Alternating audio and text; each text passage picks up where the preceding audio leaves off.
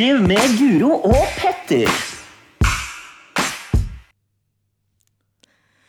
Velkommen til episode ti av podkasten Friskliv med Guro og Petter. Velkommen. Hva handler episoden i dag om? Den handler om overvekt. Mm. Det blir veldig spennende. Vi har tre superstjerner. Gjester. Det er helt fantastisk. Vi har uh, fått besøk av Jørgen Foss. Stemmer. Og så har vi fått besøk av Kristine Nordkvelde. Ja. Og til slutt så har vi fått besøk av Anita Kvist. mm, Um, og vi får eh, tre ulike mennesker som da prater litt om dette temaet, med litt ulik erfaring. Uh, så det blir veldig spennende å høre. Helt til slutt i dag så ha, skal vi høre litt om treninga vår, Guro. Ja, du tar jo burpees på direkten. Og i tillegg så har jeg tatt en utfordring. Stemmer. Og vi skal selvfølgelig høre hvordan det går med Jens. Ja, for hvordan går det egentlig med Jens? Ja, vi får høre. Men uh, tema overvekt skal vi bare sette over til Jørgen. Vi setter over til Jørgen, vi.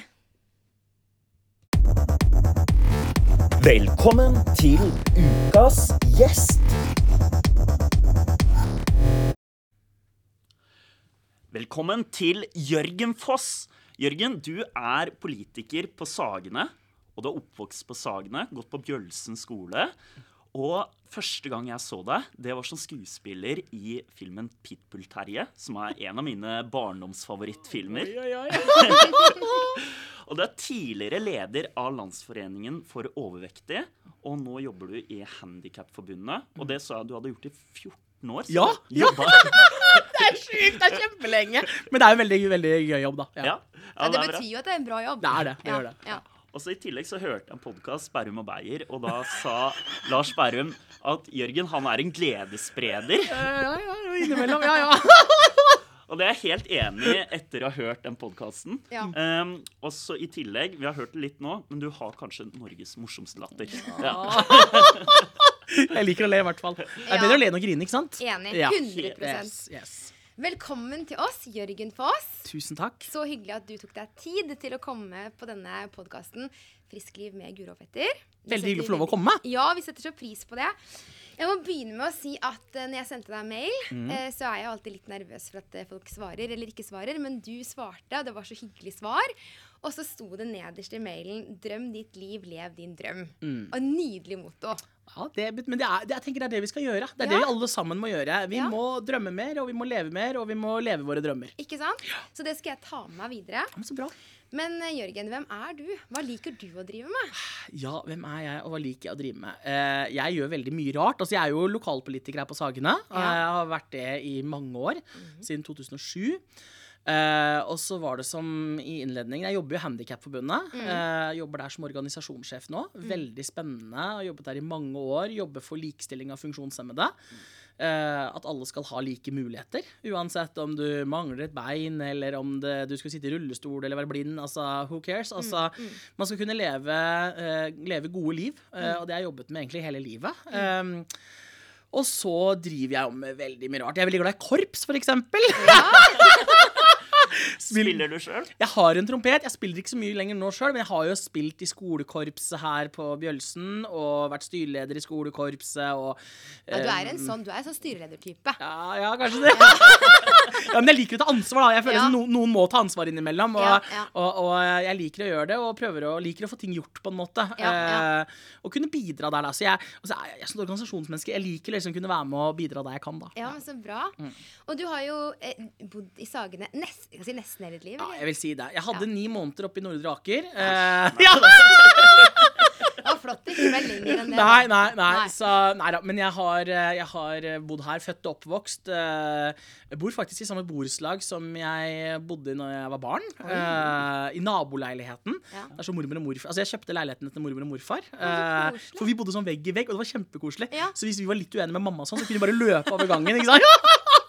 Så jeg kjøpte den når, når de kom på sykehjem. eh, og så Ja. har jeg liksom eh, eh, overtatt den og har bodd der nå i en del år. da Så Ja. det er veldig ålreit. Så jeg elsker jo Sagen nå. Ja, men det gjør vi òg, så det passer veldig Ja, bra. ikke sant? Det er vinn-vinn!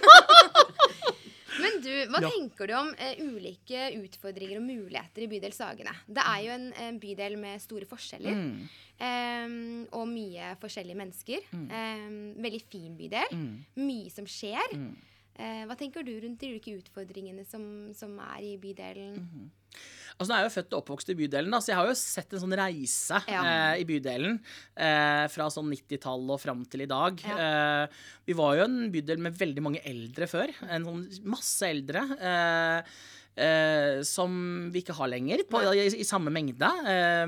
Eh, og så er det jo en bydel, som du sier, med, med veldig ulik lommebok. Ja. Folk har veldig ulik, uh, ulike penger i lommeboka, hvis man kan Ja. si det sånn. Ja. Uh, og mange liksom sier at ja, men forskjellen i Oslo er liksom mellom øst og vest, men, men forskjellen er ofte midt imellom adressene på Sagene. Ja.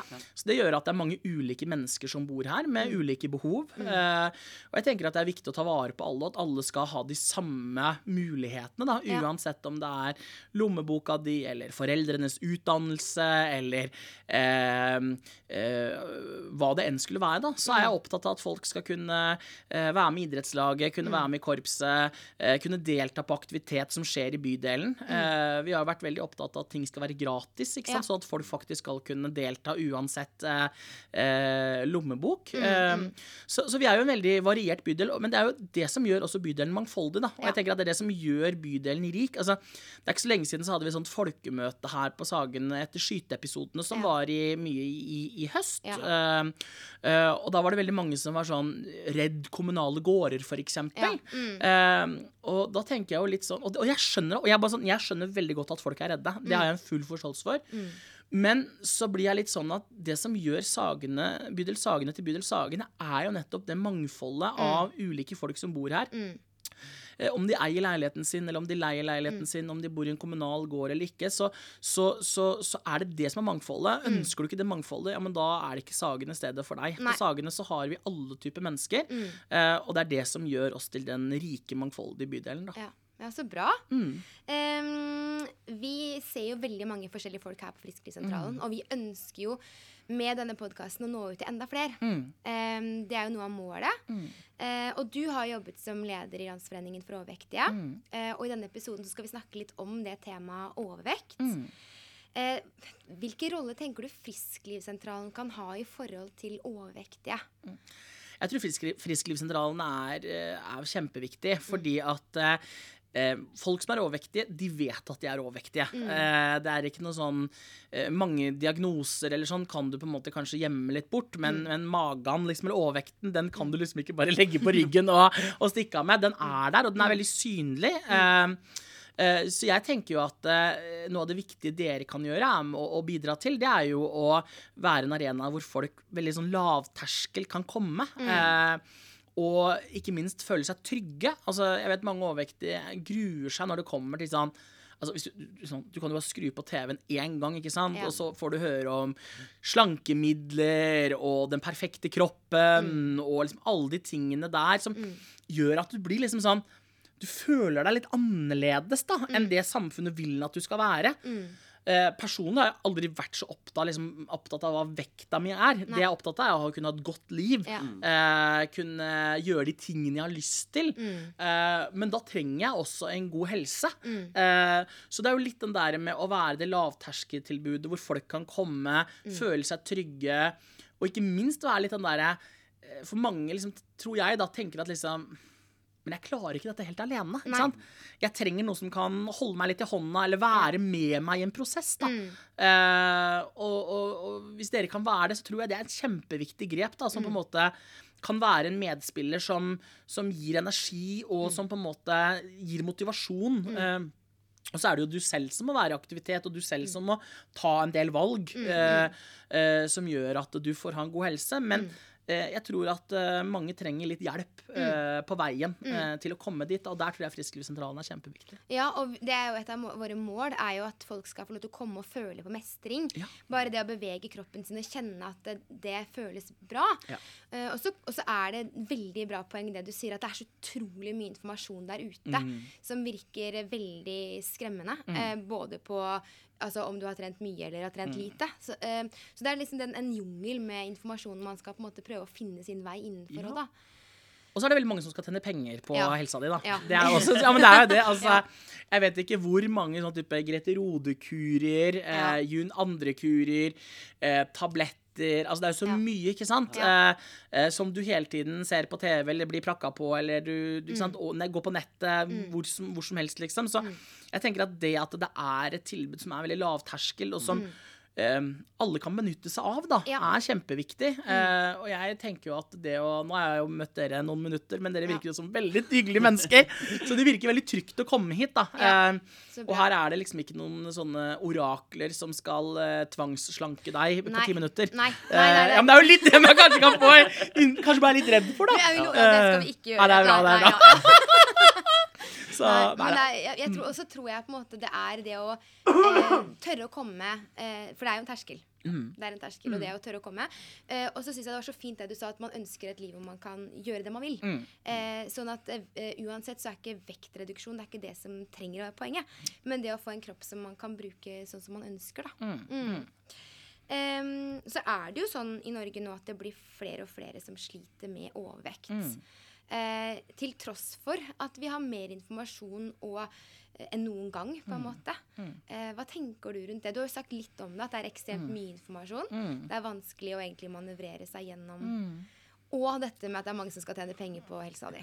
Ja. Ja. Nei, altså jeg tror at eh, altså vi, vi er jo i en tid hvor tilgangen eh, til sukker, tilgangen til eh, mat vi kanskje ikke burde spise så mye av, f.eks., er veldig kort. Eh, eh, og eh, vi ser at eh, det er ofte enklere å få tak i usunne produkter enn sunne produkter. Eh, det er ofte en terskel å f.eks. skulle dra på et treningssenter og trene. Ja. Og vi sitter jo mer stille. Mm. eh, og så ser vi en, en periode nå også etter, etter korona og covid. Vi ser jo f.eks. frivilligheten. Mm. ser vi færre som deltar i. Jeg tror dessverre mange flere er hjemme. Eh, eh, og jeg tror at eh, eh, vi trenger på en måte en boost eh, for å komme oss ut igjen. Være i aktivitet. eh, møte folk. Altså, Jeg tenker jo at den psykiske helsa må hele tiden spille på lag med den fysiske helsa. Har du altså, i, altså, du kan trene og spise så mye du vil, men har du ikke med deg den psykiske helsa, f.eks., så, så tror jeg jo at det er et, eh, et stort minus eh, Ja. som du må ha med deg. Og det er litt det jeg også tenker dere sikkert kan være med på å spille på lag med.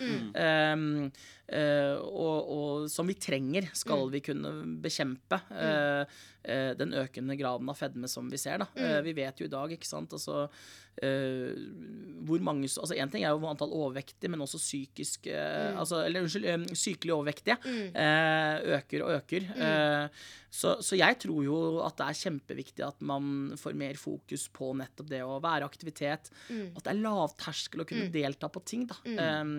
Eh, og jeg vil jo også oppfordre folk liksom til å?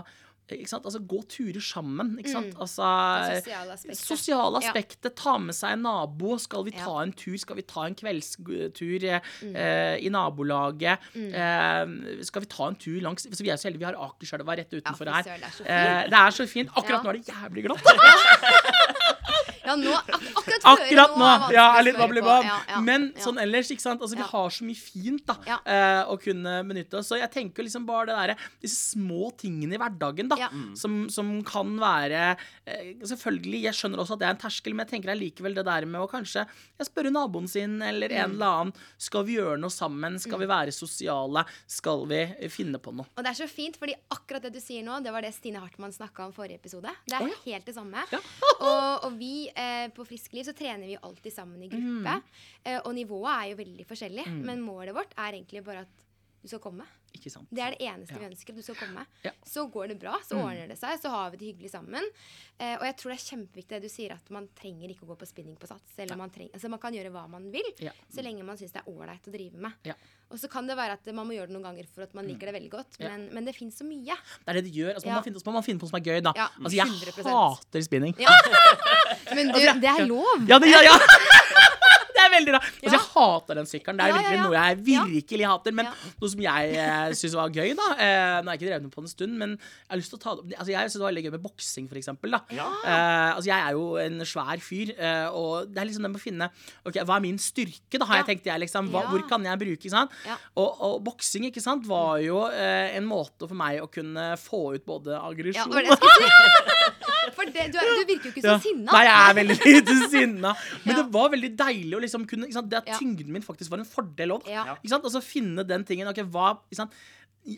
Så jeg kommer aldri til å bli noen atlet, og jeg har ikke noe mål om å bli en atlet. Nei. Og ikke løper jeg fortest. Men ok, men hva kan jeg gjøre, da? Hvor, Mm. hvor er jeg mine styrker? ikke sant? Og da fant jeg ut at det var en morsom ting da, som jeg syntes var litt gøy. Ja. Eh, og så elsker jeg å være i vann, eksempel. Ja, eh, jeg har jo mange år kjempa for at vi skal få opp Sagene bad. Og du, det, er, det er oppe og ja, nå. det er endelig!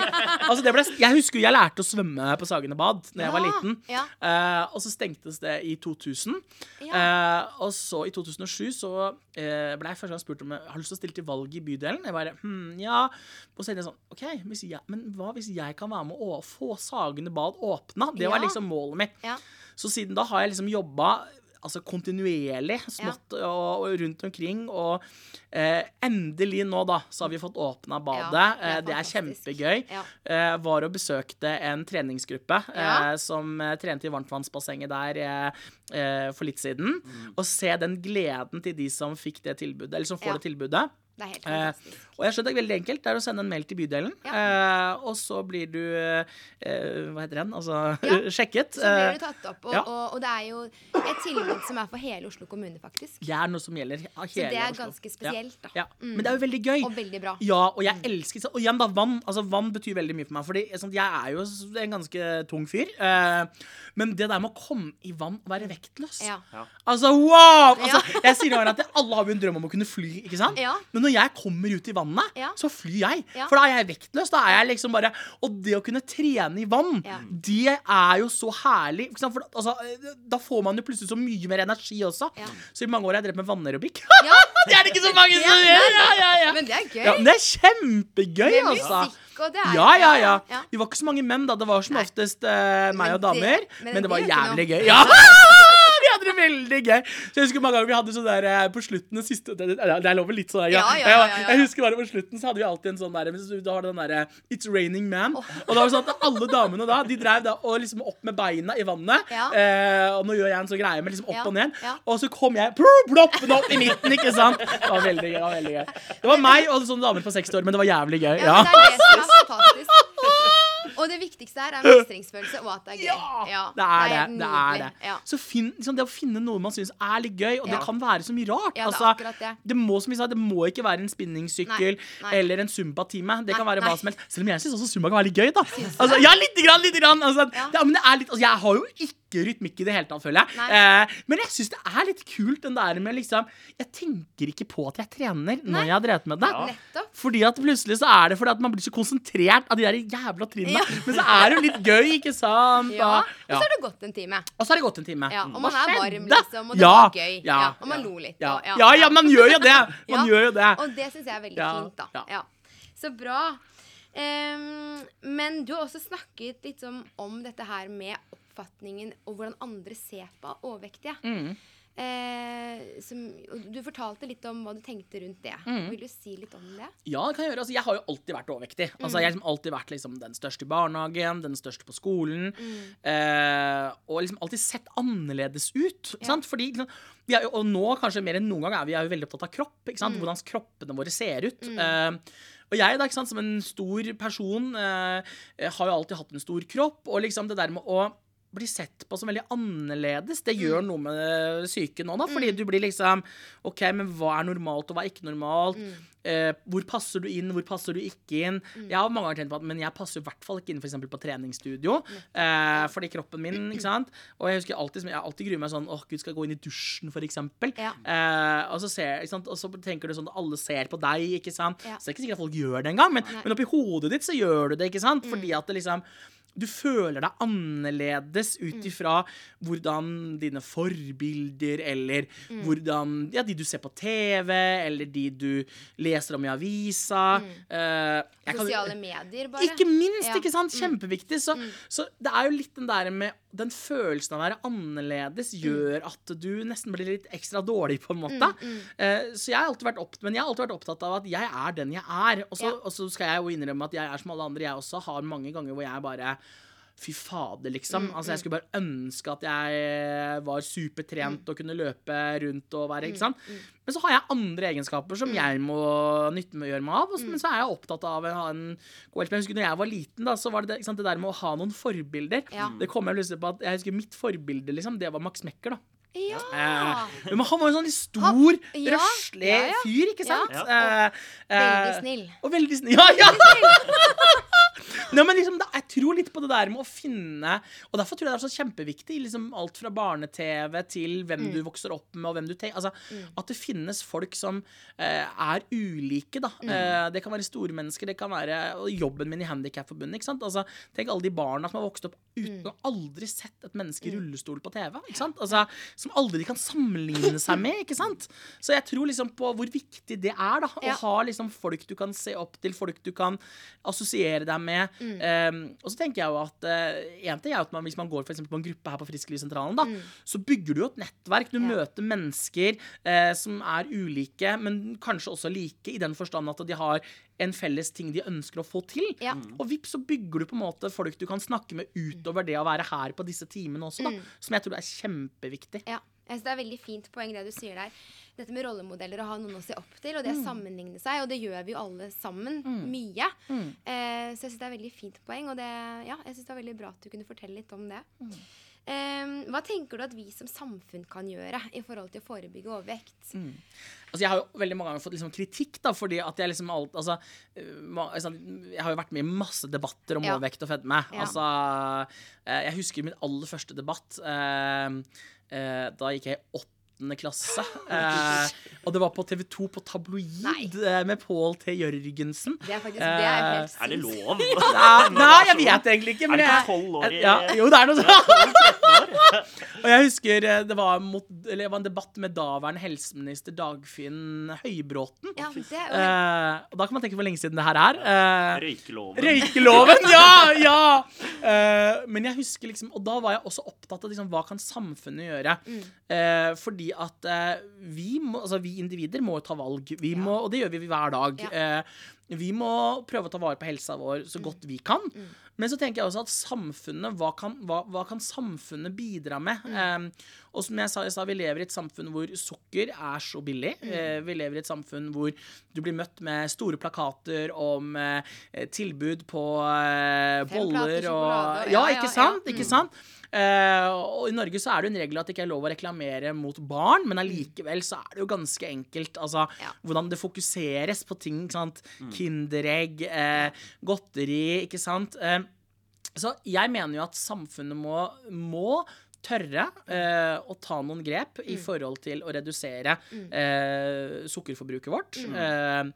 eh, og ikke minst ha fokus på god ernæring. Eh, og da tenker jeg at vi må bruke prismekanismen vår. Verdens helseorganisasjon sier jo at det er et av de altså, Kanskje det viktigste tiltaket man kan gjøre, er jo å øke prisen på, sukkerholdige sukkerholdig, produ ja. produkter og senke det på, eh, på, på ting som er, er sunnere. Sunt, ja. Og det tror jeg er kjempeviktig. Eh, og, og jeg er sånn jeg er jo et svakt menneske som alle andre svake altså som alle andre. Altså Er det tilbud, så tenker man åh gud, det har vært digg, nå tar jeg det. ikke sant? Ikke sant? Men jeg tror at liksom pris betyr noe for oss, da, og Ja. kanskje nå mer enn noen gang. Ja. Beklager.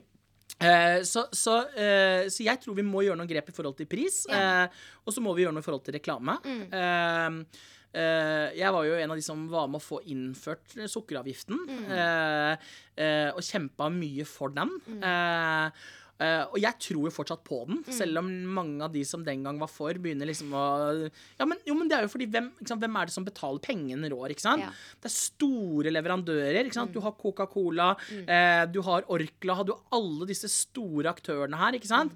Som vil ha sine produkter på markedet, og de har kjemperessurser overfor myn politiske myndigheter, uh, markedsføring osv. Eh, så jeg tror vi trenger politikere, vi trenger folk som står opp mm. eh, for at vi må tørre å gjøre litt drastiske grep, eh, men som på det lengre sikt faktisk vil bidra til at vi får en bedre eh, helse alle sammen. Og det handler ikke om å frata den enkeltes ansvar, overhodet ikke. Det har vi alle sammen. Ja. Men samfunnet må være en medspiller bidragsyter, og en bidragsyter, og ikke være For i dag så er det ikke det.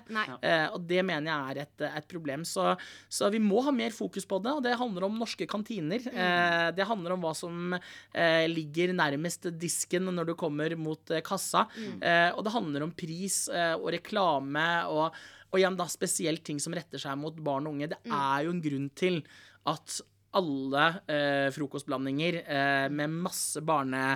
Ikke sant? Altså, hvorfor står Kellogg's og alle disse tingene som er mest usunt, det står selvfølgelig barnehøyde. Og det er jo ikke sant? Det er, det er for at de skal selge det. Ja. Firkorn står ikke der. Nei, nei, nei. Det står på toppen. Yes, Ja. yes. Nei, og jeg, synes, jeg tenker at eh, Ja, vi tar alle et ansvar, men det er noe med å se at eh, det, overvekt øker. Ja. Eh, og da må man på en måte kanskje se hva eh, stikke fingeren i jorda og se at vi har et, et større problem enn en på individnivå, da. Ja. Eh, så veldig bra innspill på det. Og jeg må jo si bare, Jeg skal ikke skryte av alt vi gjør i, i bydelspolitikken, da, men en av de tingene som vi innførte her i bydelen, Ja. eh, og det er allerede tilbake i 2012, det var jo gratis skolefrokost. Ja, veldig bra. Eh, og det mener jeg er et, kjempe, et kjempeviktig tilbud. Ja. Eh, og det handler ikke bare om ernæring, men det handler om eh, læring Ja. eh, og ernæring. Og det handler også om et fattigdomsspørsmål, fordi vi, eh, vi fikk jo beskjed om ikke sant, barn som kommer sultne på skolen fordi mor og far må prioritere, og da blir ikke frokosten prioritert. Eh, så, så det å ha et gratis eh, frokostmåltid eller et skolemåltid er kjempeviktig, og at man har liksom er, i hvert fall ett måltid skal være universelt, så at Ja. alle, vi vet at alle får i seg noe som er eh, sunt og bra i bydelen. Mm. Eh, og nå er jeg jo glad for at det også kommer flere og flere steder i Oslo. Ja, Eh, men der gikk jo Sagene foran og startet dette, eh, og, og det har vært en suksess.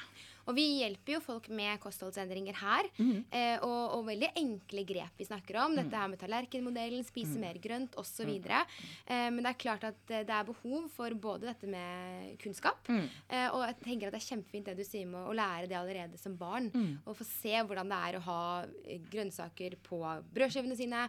Eh, og det er små grep som skal til, da. Det er det. Mm. eh, og det er litt sånn der at Og hvis, jeg tror også enklere da, at hvis du får servert noe, Ja. Mm. eh, og du ser det, ikke sant, og da får du et forhold til det. Ja. Eh, eh, og det er jo litt sånn som i motsatt ende når du blir eldre da, og f.eks. skal gå på her på seniorsenteret, Ja. som også ligger samme sted som Frisklivssentralen eh, holder til. Mm. Det at, der er det jo ofte motsatt vei, altså underernæring, ikke sant. Eh, men viktigheten der også å ha et godt eh, kosthold, ikke sant. mm. Og at man får det, eh, gjør at det er mye enklere for folk å forholde seg til det, og Mm. kunne ta til seg det de faktisk skal ha. Da. Mm. Nå synes jeg Vi har snakket veldig mye om fine forebyggende tiltak, Mm. Egentlig. Um, hva tenker du om behandling i forhold til uh, overvekt? Ja, det er jo, altså, eh, jeg er jo opptatt av at eh, det er veldig individuelt. Ja. Fordi at folk trenger ulik behandling. Det Mm. kommer helt an på om man er sykelig overvektig, eller om man er litt overvektig, eller det som på folkemunne kanskje kalles sånn hverdagsfeit. Jeg Mm, vet ikke.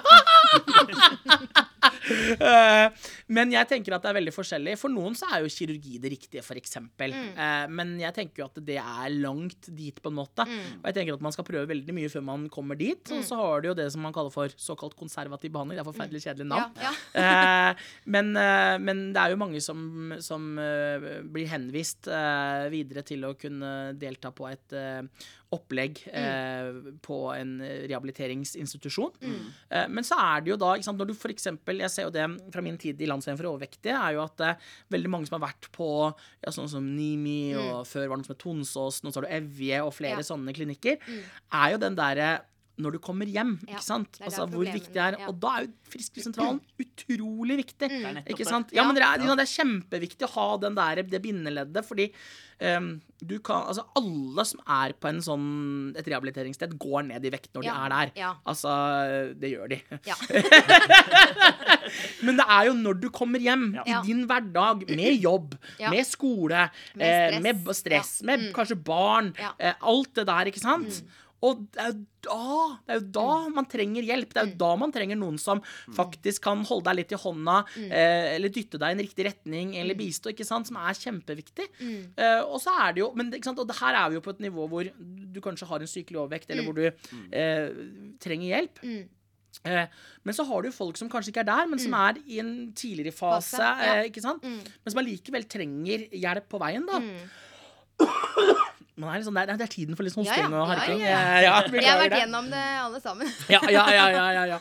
Nei, men ikke sant? Og da tenker jeg jo igjen da, hvor viktig det er med alt det forebyggende, Mm. eller det som på en måte er i en tidlig fase, hvor det å kanskje hvor kanskje knekken er faktisk det å ta en gåtur om dagen. Ja.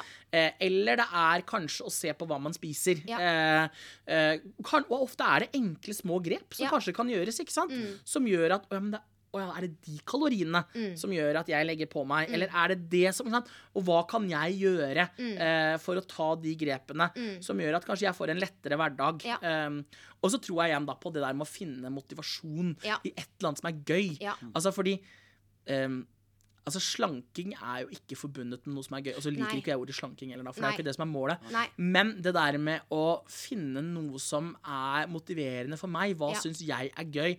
Syns jeg det er gøy å gå ut og danse? Så gjør, det. Ja, men ikke sant? Gå Det på salsakurs. Ja, ja. det, er, det var en eh, lur mann eller dame som sa en gang det spiller ikke så rolle, eh, stor rolle hva du gjør, så lenge du gjør noe. Ja. Og det tror jeg veldig på. da. Ja. Så lenge man har et eller annet som man liker, så er det, det er ikke så farlig om det er knebøy eller salsa. Men, eh, men noe må du ha som er ålreit å drive med. Det er akkurat det, Ja. ikke sant? Så, så Og hater man spinning, så er ikke det du kommer til å gjøre hver tirsdag. Nei, det er ikke det. nei. det, er ikke det. Så det tenker jeg er kjempebra. Og så det å ha en hobby, det tror jeg på. Altså Ja. sånn, Det å ha et eller annet å drive med. Ja. Mm. Noe sant, som gjør at du kommer deg ut. At du f.eks. Eh, må gå til den korpsøvelsen, for eksempel, da. Ja. Eller eh, øh, du driver med Er i historielaget her i bydelene, hva det er. ikke sant? Møte folk, har et nettverk, mennesker du er kjent med. Kanskje kan du gjøre noe annet også enn bare kanskje akkurat den hobbyen dere har der, som kan være gøy. Eh, så det, det tror jeg veldig på, altså. Ja, Så bra. Ja, det, nå tror jeg egentlig jeg har stilt alle spørsmålene jeg hadde tenkt på. Er det noe du tenker at du eh, har lyst til å si på tampen? Vi, vi ønsker jo å komme enda mer ut til folket da, og få kontakt. Eh, og at folk skal eh, ta kontakt med oss. Og at terskelen skal være så lav som overhodet mulig. Em, så hvis noen hører på dette, så er det bare å hive seg på telefon eller mail eller hva som helst. Til og med Instagram. Oi, oi, oi! Er det en Instagram- Instagram-konto jeg må følge her, altså? Ja, der er Sagene Friskliv. Der er det skjer, vet du. Ja, Kult, kult, kult, kult. Så det er veldig, veldig, veldig Ja, hiv seg på. Ta kontakt. Også, altså, vi er jo en by med 47 000 innbyggere. Ja. Eh, Så vi mangler en del. Det mangler noen, ikke sant? Og, og det, er, men ikke sant, igjen, det er jo det der å liksom vite at det er trygt å, å komme hit. Det er ikke Eh, farlig å ta kontakt. Det er noe med det. Ja, Terskelen skal være lav. Terskelen skal være lav, og, og det er eh, Og så tror jeg dere virker som veldig lett og tilgjengelig å komme i kontakt med også. Ja, Eh, vi prøver det. Ja. ja. ja men jeg tror, ikke sant, og, og igjen da, altså, og, og, um, eh, no, ikke sant, igjen da tilbake til det der med at uh, man kan føle seg litt annerledes. Ja. Og aleine, kanskje. Og aleine, kanskje, ikke sant? ja. Og det tror jeg ikke man gjør her. Nei. Fordi at det her er alle typer mennesker. Ja. Eh, og her har du lov å komme uansett hvordan du ser ut eller er. som du Eller, er. Ja, ja, ja. ja. Vi trener i all slags sko og klær. og Du trenger ikke å ha noe spesielt Nei. utstyr for å komme til oss. Altså. Så bra. Ja. Så bra. Tusen takk, Jørgen, for at du tok deg takk. tid. Takk for at jeg fikk lov å komme, og takk for den jobben dere gjør for bydelens befolkning. da. I like det må jeg si. måte, må jeg si. Ja. Ja. Tror dere gjør en viktigere jobb sånn sett. Altså. Sammen så, så jobber vi med folkehelse på er flere plan. Ja. Tusen takk. Det var Jørgen. For en fantastisk fyr. Ja, han er faktisk veldig inspirerende. Og den latteren! Den er helt rå. Og mottoet hans 'Drøm ditt liv, lev din drøm', det skal jeg ta til hjertet mitt, altså. Ja. Ja, Skal vi høre hva Kristine, ernæringsfysiolog, sier? det gjør vi. Ukas andre gjest. Velkommen, Kristine. Takk. Kristine Nordkvelde, ernæringsfysiolog. Du har vært på podkasten vår før, Ja. men i dag så prater vi om overvekt. Mm. Eh, og så lurte vi på dine tanker som ernæringsfysiolog, og litt eh, rundt uh, temaet overvekt. Ja. Og litt om Har du jobba med overvekt eh, Ja. før? Ja. Og det, eh, det er jo det veldig mange tror at det er det vi ernæringsfysiologer gjør. Ja. Bare. Så det er eh, Ja, jeg har jobbet mye med det. Det har uh, vært uh, overvektsbehandling på Røros, på LHL sitt eh, opplegg der, for mange, mange år siden. Og så har jeg vært borti eh, ganske mange personer med utviklingshemming som sliter med overvekt. Eh, folk som sliter med rus, overvekt. Eh, eh, innvandrerkvinner her i bydel Sagene som eh, sliter med overvekt. Eh, så ja, svaret er ja. Jeg jobber med det hele tiden. Mm. Ja. Og det er jo et eh, bredt felt. Absolutt. Eh, og vi eh, har jo da valgt å lage en podkast med tema overvekt. Eh, I denne podkasten så har vi ulike gjester som snakker litt om hvordan de tenker rundt temaet. Ja. Eh, og det jeg og Petter på en måte har hatt litt eh, tanker rundt, da, det er jo hvordan Frisklivssentralen kan bidra i forhold Ja. til eh, dette med tematikken overvekt. Og det, hvis man tenker sånn tilbake, det var en gang da man startet Frisklivssentraler. så var det egentlig det vi skulle jobbe med. Mm. Jeg var, kjører, husker det, i 2012, da vi startet her, eh, så var det egentlig overvekt som er liksom hovedoverskriften, egentlig. Eller altså forebygge livsstilssykdommer og, og sånn. Så eh, Frisklivssentralen har jo det har jo på en måte vært eh, hovedoppgaven. Og vi har jo disse trenings... Eller dere har jo treningsgrupper, og vi har tilbud om bra matkurs, som også er en sånn lavterskelkurs da, for kosthold, som ikke nødvendig Eller det er jo ikke retta nødvendigvis mot overvekt, egentlig, men på en måte, ja. Det er jo for å få gode må måltidsvaner, som mm. mange syns er vanskelig. Mm. Så Frisklivssentralen øh, tenker jeg har ganske mange bra tilbud. Og selvfølgelig også motivasjonssamtalene Mm. som dere har. Mm. Ehm, så det er eh, det kommer, jo, eh, det kommer jo litt an på de lokale behovene, da. Mm. Men jeg tenker at de tre tingene i utgangspunktet er noe som dere gjør som er veldig, veldig bra. og ja, og vi har jo snakka litt om at eh, for noen så kan det være en terskel å komme til Frisklivssentralen. Mm. For det, det høres jo litt sånn friskis eh, ut, på en Ja. måte. Eh, så så vi, vi har jo veldig lyst til å komme, komme ut, da, så Mm. folk vet at vi kan bidra, på en måte. Ja. Har du noen forslag eller tanker rundt hvordan man kan nå, nå flere som, som ønsker på en måte oppfølging i forhold til livsstilsendring eh, og overvektproblematikk, på en Ja. måte? Eh, altså, som, som person som har overvekt, f.eks., Mm. så vil det jo være å snakke med fastlegen. Mm. Først og fremst. Mm. Jeg vil jo tenke at fastlegen ofte har samtaler knytta til kosthold Ja. med personer som sliter med overvekt. Ja. Eh, og de er jo med på å justere medisiner eller gi medisin hvis det er behov. Mm. Samtidig som lokalsykehus også. Man har kanskje oppfølging der av en eller annen eh, årsak. Så det er jo det at de vet at Frisklivssentralen fins. Ja, ja. Fordi jeg, det er vel egentlig ikke noe annet jeg kan tenke meg som er noe enklere og mer lavterskel enn dette. Nei, det er akkurat det. hvis man det. har lyst til å gjøre noe. Ja. Eh, så det å spre det glade budskapet Altså, det, ikke sant, podkasten, Mm. sosiale medier Bare være helt uh, crazy der ute. ja. Sånn at folk som fanger det opp. Kan jo være helsesykepleiere også. Mm. Burde vite om at det er noe Ikke nødvendigvis for barna, men det er gjerne familier hvor det er, kjempe, altså det er Mm. så komplekst. Ja. Eh, Det er ikke nødvendigvis bare én person i en familie, det kan være flere. Eh, Sånn at det at, eh, at man alle da, i alle samfunnslag vet om friskliv, mm. tror jeg er en god, en god start. da. Ja, og at alle vet at det er lavterskel å Ja. komme hit. Vi tar imot alle, Ja. som, uansett hva man ønsker oppfølging på. Da. Men det er jo sånn i samfunnet vårt nå at vi har jo tilgang på ekstremt mye informasjon Mm. på alle mulige plattformer. Em, samtidig så er det flere og flere som blir overvektige. Mm. Uh, Og det er jo et litt sånn komplekst eh, spørsmål Ja. rundt dette her. Jeg har svaret. Nei, Ja, det er det som er så fint. Ja, ja, ja. Nei, jeg har jo bare mine tanker rundt det. Men jeg Mm. tror én ting er skjerm. Ja.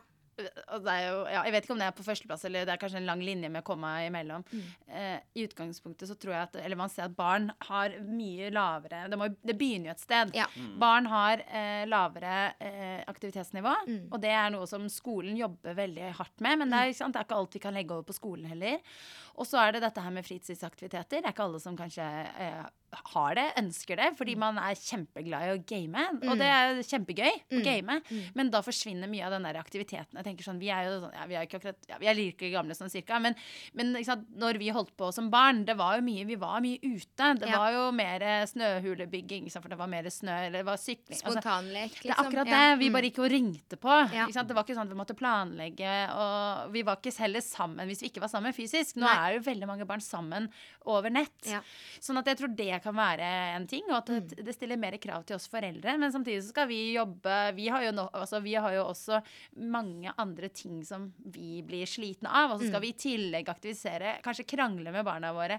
Altså Det krever ganske mye mer, da. Mm, Og så for vår del, for oss voksne, så blir det jo igjen skjerm. Mm. Eh, og at det er mye annet. Og det er eh, Så jeg tror det er lettere å være inaktiv. Mm. Samtidig som det er, det er jo treningssenter på hvert hjørne. Ja. Og det er jo ja, og det er jo som du sier, masse informasjon. Det er treningssentre åpne hele tiden. Mm. Uh, så det er uh, Men det, det krever Fordi det er så mye alternativer, kanskje det egentlig kanskje krever mer av oss. Ja. Selv om det høres helt sånn der, eh, motsatt ut. Mm, mm. Så jeg tror eh, ja, så jeg tror podkast skal være veldig bra, Fordi da kan man gjøre det og gå. Mm. Ja. Ja. Eller gjøre andre aktiviteter. Da. Mens man hører på. Mens man hører Ja. på. Ja. Og så er det det her med tilgjengeligheten. da. Eh, fordi ja, tilgjengeligheten på informasjon er jo blitt veldig stor.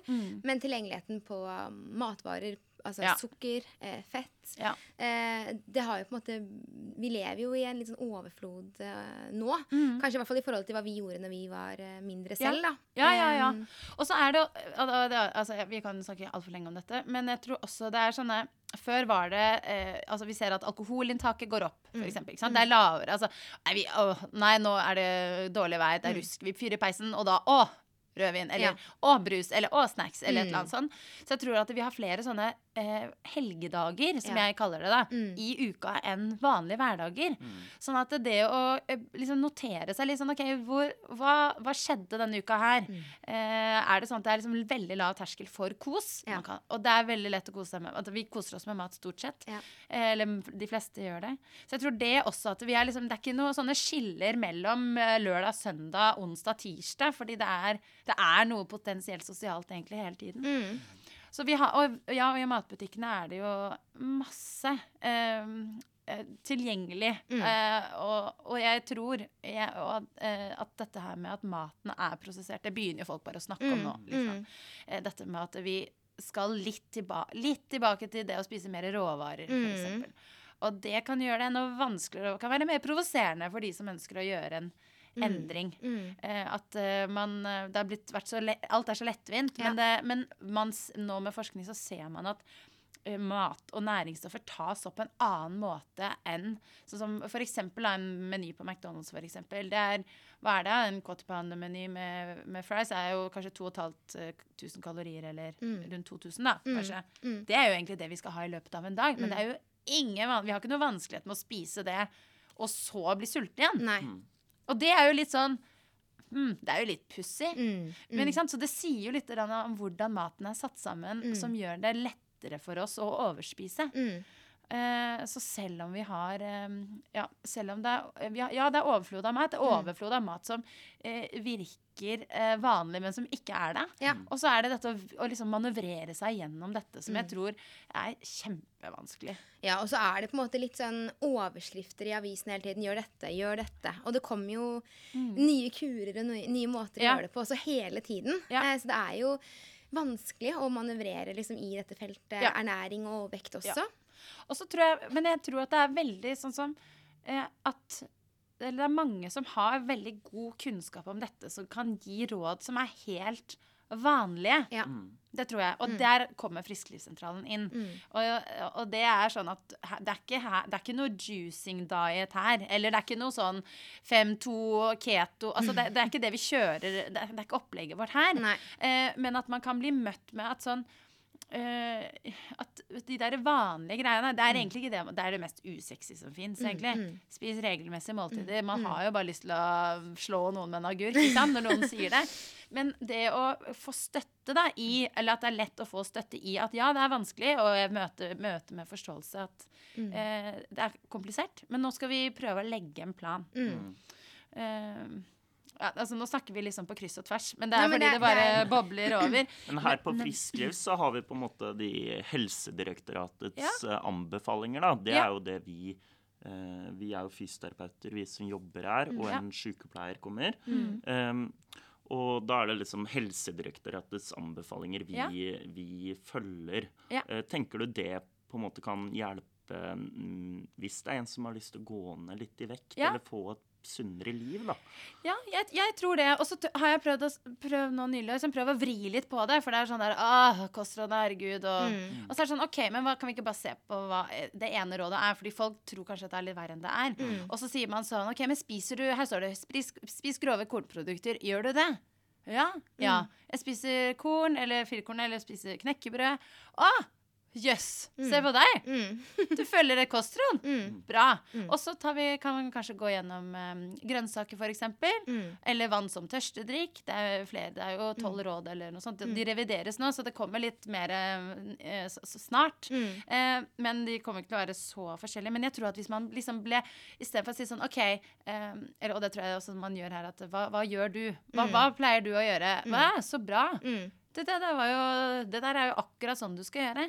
Ja, og det, og det tenker jeg liksom er et veldig bra innspill, fordi eh, det skal på en måte ikke alt annet, Det kan være veldig uoppnåelig, da. Ja. Med alle disse Du skal leve sånn, du skal gjøre sånn, det er Ja. steinalder, det er keto. Det er Ja. på en måte altfor mange ting å Ja. velge mellom. Ja. Men, men det vi på en måte jobber med, er jo de små endringene i hverdagen som Ja. kan gi effekt på Ja. sikt. da. Og så Ja. er det eh, Skal man kunne leve et liv? Ja, livskvalitet er Eh, ja. kjempeviktig. Ja. Men det som jeg Nå har jeg jo jobbet i dette feltet lenge. Måltidsrytme. Mm. Mm. Det er liksom det første som må på plass. Ja. Og det er ikke sånn at jeg tror at det er et fasitsvar på at noen spiser tre ganger om dagen, og det passer dem. Mm. Ja. Fordi man spiser porsjonene store nok til at det gjør at det ikke blir så mye småspising. Ja. Eh, samtidig som det er noen som kanskje spiser seks ganger små måltider. Og det går også fint. Mm. Men det, i hvert fall min erfaring har vært at de som sliter med overvekt, er at de har veldig få måltider i løpet av en dag. Mm. Og, eh, og jeg sier ikke at alle gjør det, men det er min erfaring. Mm. Så det er kanskje to. Eller, at det, eller er sånn, det er kanskje ting som ikke er et måltid. Mm. Men, Men- som man spiser i løpet Ja, av dagen. som er sånn usynlig. Ja. Eh, sånn at det er kanskje liksom noe, eh, noe på jobb, og så er det et måltid om kvelden. Men det varer Mm. fra sju da, Mm. til elleve. Mm. Sånn at det, Så jeg er veldig Jeg tror nesten altså sånn, Jeg har snakket eh, om dette dette dietter og liksom før, men jeg tror sånn tallerkenstørrelsesmodell-dietten, holdt jeg på å si. Altså sånn at ikke porsjonene er for store, men det skal være nok, altså nok måltider til at det ikke blir sånn derre tjafsing Mm. helt sånn der i blinde resten Gjennom av dagen. dagen. Ja. Ja. Mm. For det er veldig mange som er kjempegode på morgenen. Mm. Tenker sånn 'Å, nå i dag skal jeg være flink'. Ikke Ja. sant? Spiser to knekkebrød. Det er veldig lite. Mm. Det er som én brødskive. Mm. Så allerede da, ikke sant, etter det er du litt på underskudd. Og så kommer liksom senere, så er det en salat til lunsj, for Mm. da er man på jobb. Og så er man egentlig så sykt sulten. Mm. Så jeg tenker hvis man liksom hadde eid måltidene litt Mm. bedre, da. Hatt en liksom plan for sånn OK, jeg veier 90 kilo. Mm. Jeg trenger faktisk tre skiver. Mm. Og når jeg spiser tre skiver, er jeg faktisk mett. Og jeg har flere som jeg snakker med som Hvis de får spist frokost, eller et måltid sånn i, i rimelig tid etter de har stått opp Mm. For det, frokost er også litt betent. Ja. Så er det sånn at da, da tar de bedre valg resten av dagen. ja. Istedenfor at de liksom skal liksom Nei, jeg trenger ikke, trenger ikke, får ikke tid. Du, du, du, Mm. Og så bare raser det. Ja. Og så er det sånn ah, Fader, eller jeg venter til mandag. Så er det allerede tirsdag. Ja. Så er det sånn der, ah, det er allerede onsdag. Du må bare opp på hesten og så Ja. prøve igjen. Og det her er jo veldig håndgripelige ting man kan faktisk ta tak i og, og endre i, i livet på en enkel måte, da. Ja. Mm. Men samtidig, og det øh, er jo også et aspekt at det er jo egentlig ikke så lett. Nei. For det tror jeg, altså, Vi kan jo sitte her, Mm. liksom, og det gir, det gir, Gir mening, mening. Herregud. Vi Mm. Spiser liksom noe. Men når du hele altså, tenk hvis du liksom hele livet har enten fått høre at du må gå ned i vekt, Mm. eller du har selv tenkt det, Mm. og du vil ta fornuftige valg, men du Mm. syns ikke du lykkes. Åh? Da, og da tenker jeg Frisklivssentralen. Oi, nå Ja. spyttet jeg veldig, veldig, veldig engasjert. Men det at man eh, da får liksom vite at ok, vet du hva, dette her er kjempevanskelig. Ja, mm. Ha litt tettere oppfølging. Eller man kan jo bruke kanskje digital hjemmeoppfølging. da, ikke sant? Har du fått i frokost i dag? Ja, nei. Eller kanskje ikke målet er frokost hver dag. Kanskje det er tirsdag-torsdag.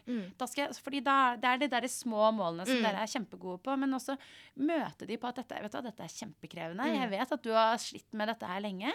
Nå syns jeg vi skal bare prøve igjen. Ikke sant? Ja. Gi opp. Nei.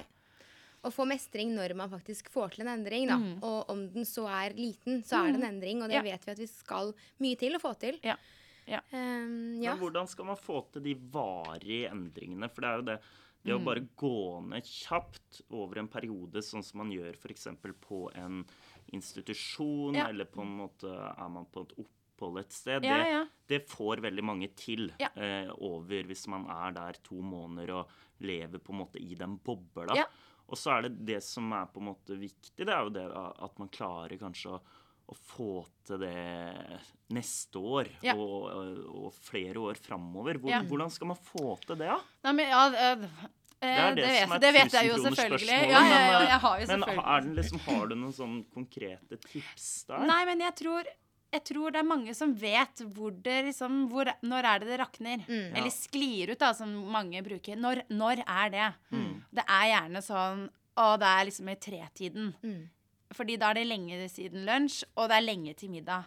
Da skjer, da, da skjer det noe. Ikke sant? Da kan jeg ikke gå i butikken, eller da ender det alltid opp med en bolle fordi det er kaffe- og bolledeal, eller så, at Hvis man vet at det er liksom en konkret ting Eller det er på kvelden. Det er jo veldig mange som liksom sitter hjemme og sitter alene og uh, koser seg egentlig. Det er ikke bare fordi man ikke har det bra alene, men at det er sånn åh, mm, ikke sant? Hvis man da vet at det er det som er det, der, det punktet Mm. hvor det, som ikke er bra, Mm. da er det, må vi ta tak i det. For det er ikke sikkert at alt er gærent. Nei. Ikke sant? Det kan hende at det er bare det. Sånn at det å kanskje bli møtt med sånn øh, For eksempel hvis man har øh, man, man er ikke glad i å lage mat, men man øh, steker seg ikke, fiskepinner eller eh, hamburger eller noe sånn veldig lettvint hver eneste dag. OK, men det er ikke helt krise. Det er ingen mat som er helt krise. Kan du legge til noe? Mm. for eksempel. Veldig fint å kunne liksom se sånn ikke, må, Jeg skjønner at du elsker det. Er det noe du kan legge til? Kan du legge til én gulrot? Mm. Som du kanskje skreller. Eller en tomat, da. Som du ikke må skrelle. Sant? Da har du liksom gjort noe veldig bra. Mm. Eh, og så kan man jobbe videre med liksom det at um, det er ikke alle ting som man trenger å endre på. Nei. Som egentlig trenger å være sånn store endringer. Man må ikke lage mat fra bunnen av, eller begynne å like x antall matvarer for å få et godt liv, for å gå ned i Mm. vekt. Det trenger egentlig ikke å være sånn. Nei. Men å vite hvorfor man spiser, eh, og når det er, Mm. det er en eh, viktig Er, det for trøst? Mm. Er det fordi det er, jeg er glad? Er det fordi jeg er kjempelei meg? Bare å få i gang de prosessene. Også viktige, da. Så bra. Ja. Veldig Ja. Ehm, tenker du at vi som samfunn kan gjøre noe for å bidra? For nå, selv om ja, man, alle individer har jo ansvar sjøl. Mhm. men nå ser vi jo at flere og flere blir overvektige. Mm. Er det noen grep vi kan gjøre på, på, på samfunnsnivå, da?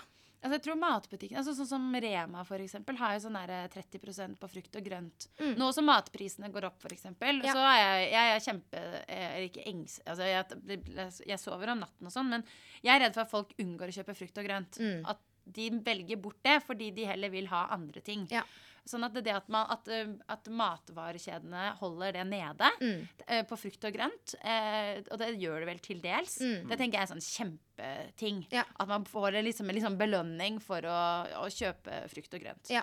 Eh, samtidig så er det jo sånn dette med parker eh, og uteområder. Altså jeg synes lekeplasser generelt har blitt veldig bra. Mm. Det er stolpejakt. Jeg vet ikke om samfunnet skal være ansvarlig for stolpejakt, men, men sant, sånne lavterskelting.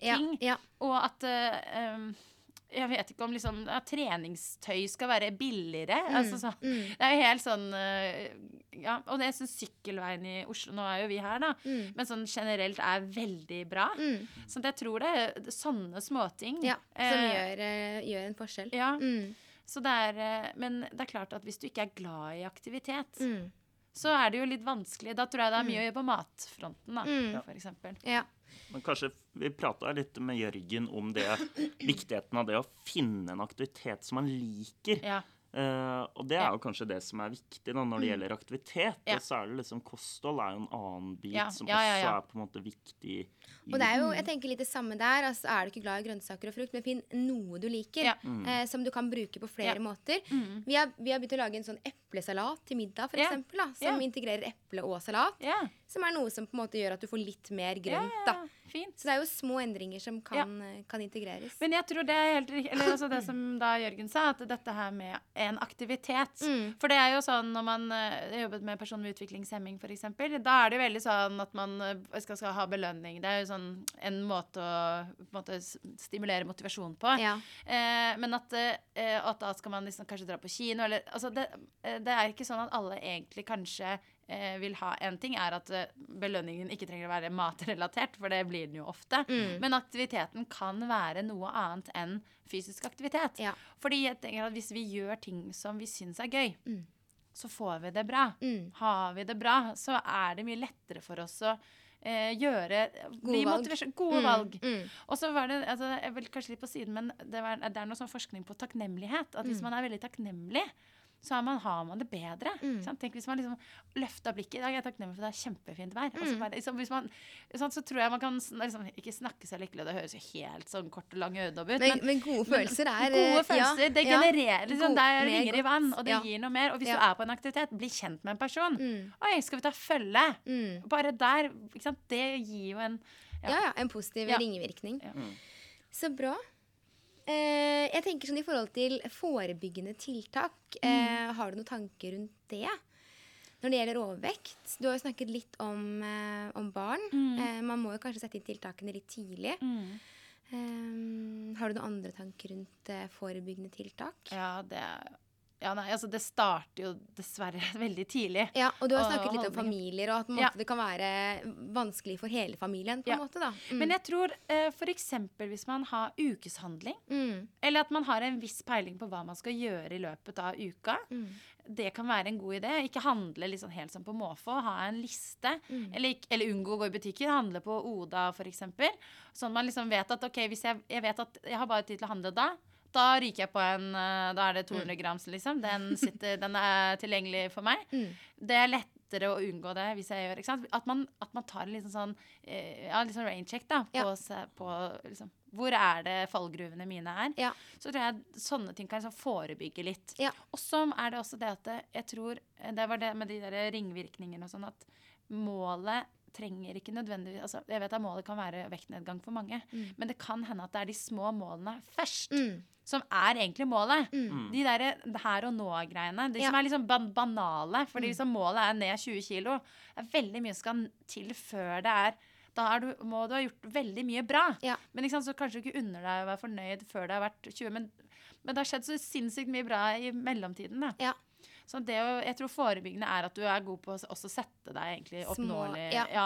Bare det å ha mer grønnsaker til middag, eller være med på en aktivitet på etter jobb, eller Ja. Ja. Ja. Og hvis det er sånn at man ser at man spiser av grunner som kanskje ikke er så bra, Mm. så må man gå og få hjelp. Da må man gå og snakke med noen. Mm. Eller kanskje komme på friskelig eller fastlegen og snakke om de vanskelige tingene som hindrer en Ja. I å gjøre de gode valgene. For det er jo mye følelser knyttet til mat. Ja, ja det er en helt en, egen episode. Nei, tusen takk, Kristine. Det var veldig fint å ha deg med. Ja, takk for at jeg fikk komme. Vi snakkes snart igjen, vi. Ja, Ja. ja. Kristine hun er som alltid på ballen òg. ja, det er det som er så fint med at vi kan kontakte Kristine. Ja. Kan det beste, hun altså. Den dama der. Kan det. Også Ja. overvekt. Også overvekt. Og den energien hun har med seg. Det er fantastisk. Ja. Neste gjest, det er Anita Kvist. ja, la oss høre hva hun har å si. Ukas tredje gjest. Ja, da er vi så heldige at vi eh, har fått enda en gjest i podkasten vår. Og nå er det Anita Quist, lege, 33 år gammel, som har kommet inn på Frisklivskontoret. Hei, Velkommen. Takk, takk. Du har jo eh, en del ulik erfaring, eh, og i dag er jo tema overvekt. Du har jobbet eh, både med forebyggende medisin og på Senter for sykelig overvekt. Ja. Så vi gleder oss til å få en liten samtale med deg. Nå jobber du med å forske på svangerskapsdiabetes Det stemmer. Ja. På Aker. på Aker. Det er der du er sentrert Mm. og har vært. Ja. Så hyggelig at du tok eh, turen til oss. Takk for invitasjonen. Eh, vi har jo, eh, I denne episoden her så har vi da tema overvekt. Og det er jo et sånn litt sånn stort tema. Em, Og vi har snakket litt med Jørgen Foss og med Kristine, som er um, ernæringsfysiologen i bydelen. Eh, og ja, det er noen av de samme spørsmålene vi stiller deg, da. Em, men eh, i forhold til den erfaringen du har, da, der hvor du har jobba, Mm. hva tenker du at vi eh, på Frisklivssentralen kan bidra med i forhold til eh, de som sliter med overvekt? Ja. Eh, jeg har jobbet både på forebyggende medisin og Senter for sykelig overvekt, som du nevnte. Og jeg tenker eh, møter jo litt sånn forskjellige mennesker der, og det er um, i hovedsak uh, vektnedgang og sånn livsstilsendring som har vært uh, fokus.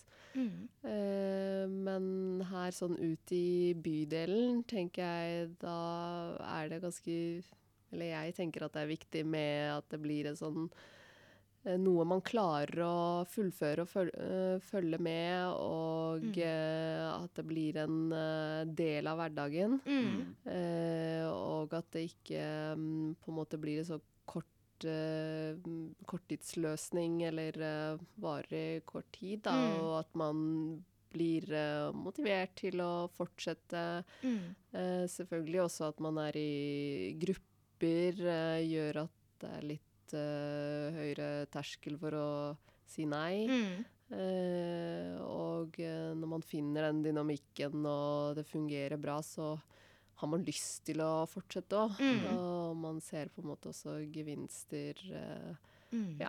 ved å ha den uh, kontakten i bydelen. Mm. Um, nå er det jo sånn at vi lever i et samfunn hvor det er ekstrem tilgang på all informasjon. Og vi vet jo alle at det er viktig å være i aktivitet og spise sunt. Og allikevel så er det flere og flere som sliter med overvekt. Eh, og det er jo et kjempevanskelig spørsmål. Ja. Men hva tenker du i forhold til det? At det er så mange som, eh, som sliter med å ja, finne ut hvordan de skal leve livet, da? Jeg tror det er en kombinasjon av flere ting. Eh, vi lever i en sånn rask eh, verden med alt skal skje fort, og det skal være eh, bra løsning eh, på kort tid, Mm. og eh, alt fra matvaner eh, og at man skal være på forskjellige steder. Nå var det jo f.eks. i pandemien, da. Det var da vi fikk oppleve på lenge at vi skulle bli sittende på samme sted. Men ellers så har det jo vært alle seminarer og alt innad i landet hvor vi må på en måte fly rundt på um, kort tid. Mm. Men eh, jo, tilbake til spørsmålet, så eh, tror jeg det går litt både på da at man har dårlig tid, Mm. og eh, det fins så mye der ute Mm. som eh, vi ikke hadde disse valgene tidligere. Mm. Og kjappe løsninger eh, blir så utrolig tilgjengelig, og Mm. man blir fristet til det. Mm. Og også dette med eh, litt sånn forskjellig type matvarer av eh, ja, ultraprosessert mat og Mm. eh, den typen som ja, kanskje kan bidra litt til dette her. Og Mm. har dårlig tid hele tiden, da. Mm. Kristine nevnte jo litt det med ultraprosessert mat, da, eh, Mm. og det gjør du òg. Hva er det liksom med den ultraprosesserte maten som er på en måte dårligere enn vanlig mat? da? Eller sånn mat som eh, gulrøtter, f.eks., Ja. eller eh, en appelsin, eller eh, hvorfor, eh, hvorfor er ikke ultraprosessert mat noe bra? Eller kan det er jo det være bra? alt eh, Det er vel litt sånn alt med måte. Mm. Mm. Eh, så jeg skal jo ikke på en måte fraskrive det helt, men jeg tenker jo sånn Hvis vi tenker helt logisk sett, så eh, hadde vi er det naturlig på en måte å tenke at det som er eh, fra jorda, hvis man kan si det sånn, Mm. eh, er eh, naturlig og friskt og bra. Og mm, dette med også metthetsfølelse, f.eks. i eh, når vi spiser en hel appelsin kontra appelsinjuice. Mm. Eh, og det med å kunne bite, tygge og svelge gir en annen type metthetsfølelse, da, og Mm. varer faktisk lenger. Og eh, har vi heller ikke sånne høye blodsukkerstigninger og fall, da. Mm. Svingninger. Ja. Mm. Og så er det så mange sånn quick fix-løsninger, føler jeg. da I VG så gjør dette, så går det så og så mange kilo så fort. Eh, så det kan jo nesten virke litt sånn uoverkommelig hvis man skal ned i vekt og vite hva skal man egentlig gjøre, liksom. Ja. Og så er det så mye dietter, og Altså, ja. Hva tenker du rundt det, det hvis man ønsker å gå ned i vekt eh, og på en måte sliter med det, da? Mm. Eh, hva, hva er viktig å på en måte ta tak i sånn i utgangspunktet når man skal starte en sånn prosess? For det Ja. blir jo en prosess eh, man skal gjennom. Ja, jeg tenker at det er viktig at man ikke kun fokuserer på vekt. Mm. At det ikke blir en sånn Oi, nå har jeg gått opp i jula, Mm. f.eks. Og n- det kan være flere ting, i hvert fall over tid. Så Mm. kun, kan det være mental helse, Mm. jobb og stress og uh, barn. Um, Mm. forskjellige ting, eller familien. Så det er litt viktig å se helheten i det, Ja. og ikke kun fokusere på uh, mat og fysisk aktivitet, selv om det er viktig, det òg. Mm. Og også når det kommer til fysisk aktivitet, hvis man ikke ser uh, at, man ikke, at man ikke går så mye ned i vekt, Ja. så er det fortsatt bra å være fysisk aktiv. Ja. Uh, både hjertekarer og hjerne og søvn og alt mulig. Mm. Sånn at uh, man må tenke litt sånn videre. Ja. Og også f.eks. tilleggssykdommer som høyt blodtrykk og diabetes og Mm. andre ting det kan være forebyggende. Da. Mm. Så det å være i aktivitet og spise sunt, det har andre gevinster enn kun Mm. den vektreduksjonen. Mm. Ja. ja. Og jeg tenker også dette med mat, så lenge man spiser eh, hva skal jeg si, relativt sunt, og så er det noe man skal kunne klare å leve med. Det er veldig dumt å gjøre noe sånn som disse diettene som Ja. du snakket om, eh, varer i to uker, og så er det på'n igjen til eh, gamle vaner. At Ja. det heller blir en eh, litt sånn at man tenker at OK, dette vet jeg er bra for meg. Ja. Skal jeg begynne med alt i dag? Eller Mm. bare innføre én ting denne uken, f.eks.? Mm. Se hvordan det går. Og så kanskje innføre noe nytt uh, uken etter. Og så blir det en litt sånn slow transformation, Mm. men uh, som varer, Ja. uh, egentlig. ja, og det er jo det vi er litt opptatt av hos oss også. At man skal Mm. gjøre små endringer som man kan mestre, da. Mm. Istedenfor å føle at man ikke mestrer, og så gir man litt opp. Og så på en måte blir det en sånn vond spiral, da. Ja, og Mm. veldig demotiverende. Ja. Og det er litt det også med sånn middagsbord at Ja. Alle på en måte spiser det samme, Ja. og ikke blir en sånn ensom prosess eh, Ja. hjemme hvor eh, den e- ene som har lyst til å gå ned i vekt, f.eks., eh, sitter alene med noe stusslige grønnsaker. Ja. og, og så får alle en burger eh, rundt Ja. bordet, de andre. Så, Ja. eh, Det så kan jo friste litt... veldig Ja, da, ja. hvis de andre gjør det. Så, så det er liksom noe at alle er med Mm, i mm. en familie. Men det er ikke så lett, det, da. Nei, og Nei. der tenker jeg jo eh, litt dette med mm, skoler og frukt og grønt og sånt, at når man starter tidlig eh, ja, også sånn at med skolesystem og barnehager og alt, at da blir det jo naturlig for de barna at ja, men du, dette spiser vi hjemme, og Mm. det syns jeg er eh, godt. Og det er litt sånn hva man blir vant til. Ja. Og også som voksen noen ganger så er det litt viktig å kanskje lage nye vaner. Ja. Selv om det er vanskelig. Ja, ja, ja det er, og det er jo vanskelig, for det er jo mange som sliter med det. Mm, mm. Um, hva tenker du i forhold til forebyggende tiltak? Er det noe vi som samfunn kan gjøre for å på en måte forebygge at vi skal eh, ja, fortsette den, den, den kurven vi er inne i, da, med flere Ja. og flere som blir overvektige? Jeg syns jo det er ganske mye fokus på det å, å være overvektig egentlig sånn globalt nå. Mm -hmm. uh, og vi som hva skal jeg si, liten befolkning her i Norge har i hvert fall veldig mye fokus på det. Ja. Uh, jeg tenker uh, ja, litt sånn som jeg har sagt tidligere, med noe som varer, Mm. og ikke raske løsninger. Og så Mm. kanskje være litt mer forberedt. Det tenker jeg med meg selv òg, at man har med seg matpakke. Mm. Vet at OK, da kan bli en lang dag. Mm. Greit å ha noe i sekken. Mm. Enn at eh, man Jeg skjønner det veldig godt jeg, når man går rundt i butikken, det gjør jeg selv, og er uh, supersulten og egentlig klar for middag. og du har bare lyst på alt som Ja. Ja, det er min fare. Det å gå i butikken og være sulten. Da Mm. handler man ofte både mer og kanskje ikke så gjennomtenkte Nei. ting, da. Ja. Mm. Mm. Eh, men du har jo jobba med behandling, eh, og da sykelig overvekt. Eh, hva er de ulike behandlingsmetodene man, man på en måte bruker nå i forhold til overvekt? Ja. Eh, I hovedsak sånn eh, i første omgang så tenker vi jo at det på en måte begynner hos fastlegen Mm. med både motivasjon til eh, fysisk aktivitet og endring, eh, eller små endringer man kan gjøre med kosthold og eventuelt eh, Det er jo litt sånn individuelt. Mm. men som videre i spesialisthelsetjenesten så kan man jo da sende henvisning f.eks. For, for de som eh, har BMI over 35 og har en tilleggssykdom f.eks. Eh, diabetes eller høyt blodtrykk. Eh, og, eller om man har en BMI over 40. Ja.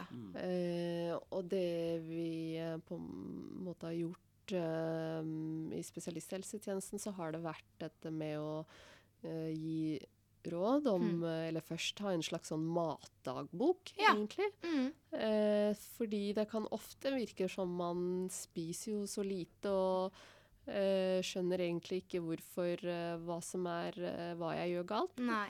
Og da er det litt fint for både selve pasienten og eh, behandleren at eh, man kan se sånn Oi, du, det her kunne det kanskje Ja. vært unngått hvis eh, man gjorde sånn og sånn. Mm. Og, det, så i første omgang så er det på en måte livsstilsintervensjon Mm. som eh, er hovedfokus. Og så eh, tar vi jo blodprøver og ser på alle sånn tillegg med høyt kolesterol, eller om det er noen stoffskifteproblemer, noe annet som også kan justeres eh, på. Ja. Og så fins det både da medikamentell behandling eh, for, og eh, kirurgi, da, Mm. som da kirurgen sen vurderer eh, eventuelt. Men da er det jo et større bilde med både psykiske til pasienten Mm, mm. og uh, hvordan alt er rundt. Så da må må man ha jo prøvd litt andre alternativer. Og Først, det ja. fins jo også forskjellig sånt um,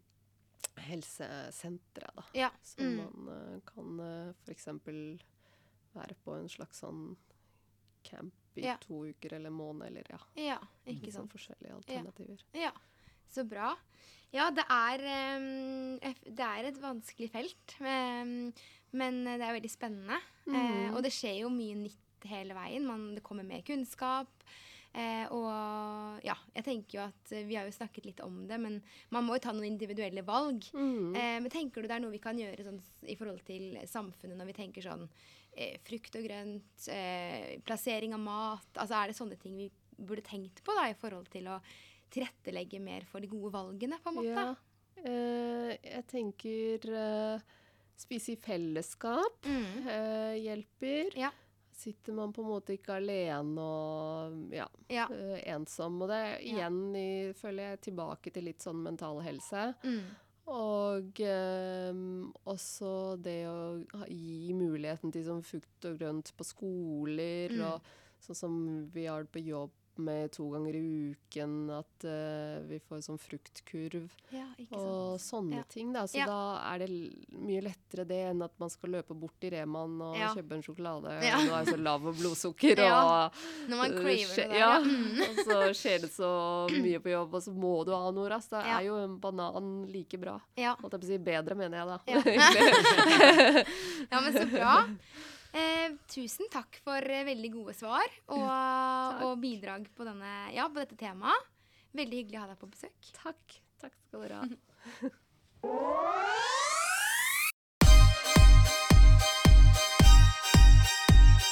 Guro og Petters trening.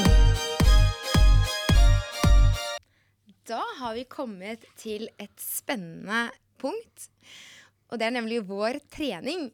Endelig. Ja, For meg forrige uke så så det dårlig ut, rett og slett. ja fordi du omtalte deg selv som kjeks. Ja, jeg hadde vondt i leggen. ja.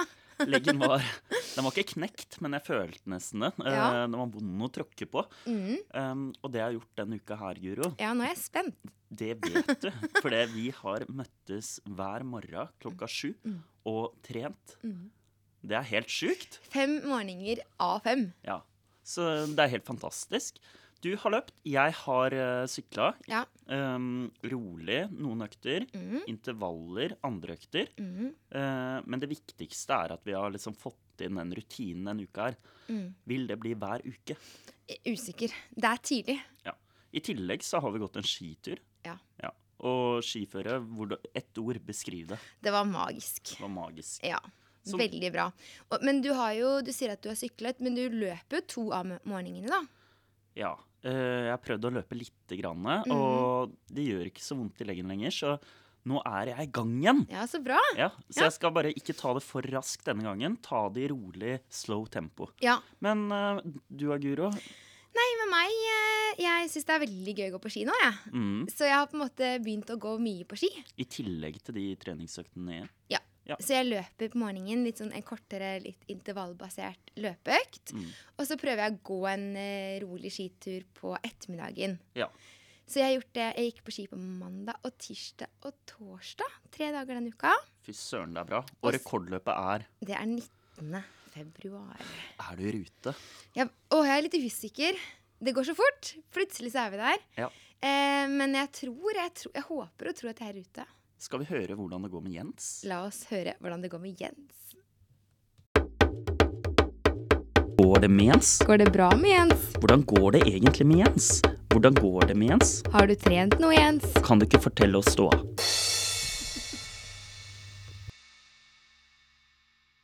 Ja, da står jeg her ute på gata, og jeg møtte akkurat det godeste Jens ute på tur. Hallo. Hallo. Hei, hei. Du, hvordan går det med treninga di, Jens? Nei, det går jo greit. Klarer å øke litt gradvis hver uke. Så bra. Så det går etter planen. Ja, for planen er jo rekordløp i Lier. Ja. Hvor lenge er det til? Hva, hva vi fant ut i dag? Fire uker? Ja, det er, det er knappe fire uker. Ja, det blir jo veldig spennende. Det blir jo dønn ærlig svar. Ja, det blir dønn ærlig svar, ja. Så vi får egentlig bare stå på de fire neste uke, og så, Jeg får knytte sko og stå i det. ja, så får vi ta en oppsummering da, tenker jeg. Ja, det høres nydelig ut. Ha en bra kveld videre. Takk. Vi snakkes. Sterkere. Knebøy. Utfall. Hva skal man velge? Dagens øvelse. Da har vi kommet frem til et punkt i podkasten som er veldig spennende hver eneste uke. Fordi forrige uke så hadde jeg grua meg veldig. Da var det min tur til å ta pushups. Det er forferdelig. Vi kan bare starte. Og denne gangen så er det fetter som skal ta burpees. Det er greit. Ett minutt. Åh. Så mange som mulig. OK, OK. skal jeg bare kjøre i gang? Når du er klar. Jeg tar tida. Ok, Si klar, ferdig, gå. Klar, ferdig, gå. Ok, Da er han i gang. Han skal altså ta burpees. Han er helt nede på magen, og han hopper på toppen. Han har satt i gang et veldig høyt tempo. Bra. Hvor mange har du tatt? Sju. Sju, ja. Åtte. Ni. Ti. Bra. Elleve. Tolv. Å, det ser veldig bra ut. Samme tempo. 13. Og vi er halvveis i tida. Og 30 sekunder. 15. 16. 17. Veldig bra. 18. 19. Begynner å ta på litt nå. 20. 21. 10 sekunder igjen. 22.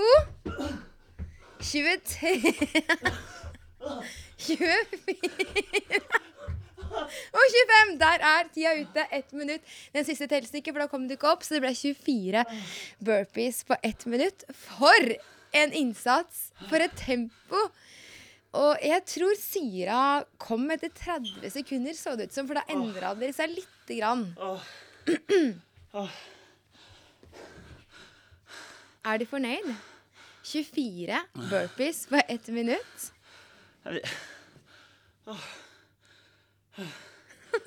Det er helt forferdelig. Ja. Det var veldig bra. Takk. Åh, det er så vondt. Ja, det er veldig vondt. Det var en forferdelig øvelse. Ja. 24 burpees på ett minutt klarte du, og det var en fantastisk innsats. Du ga jernet. Så jeg tenker at du kan være veldig fornøyd med det. Jeg hadde gjetta at du kom til å klare 20. Det er helt grusomt, du. Du klarte fire mer enn jeg gjetta. Takk for at du hadde litt ro. Jeg hadde troa. Nei, de Åh, Hvor er det mest slitsomt? i pusten. Ja. Og syra i låra. Ja. Ja, du har jo allerede løpt i dag, så jeg skjønner at det der var en, eh, en bra start på fredagen, da. Ja, jeg skal være grei med deg neste gang. Vi skal gjøre en yogaøvelse. OK? Jeg søkte på vanskelige yogaøvelser. Og du skal gjøre en som heter crow pose. En som heter crow pose. OK. Og den Jeg er ikke så dreven innenfor yogafeltet, men crow pose Jeg syns det hørtes Den ser ikke så lett ut. Det er ei dame som står på hendene med, med knærne på albuene. Så det blir neste uke. Bare google crow pose, så kan dere se. Nå kjører vi neste stikk.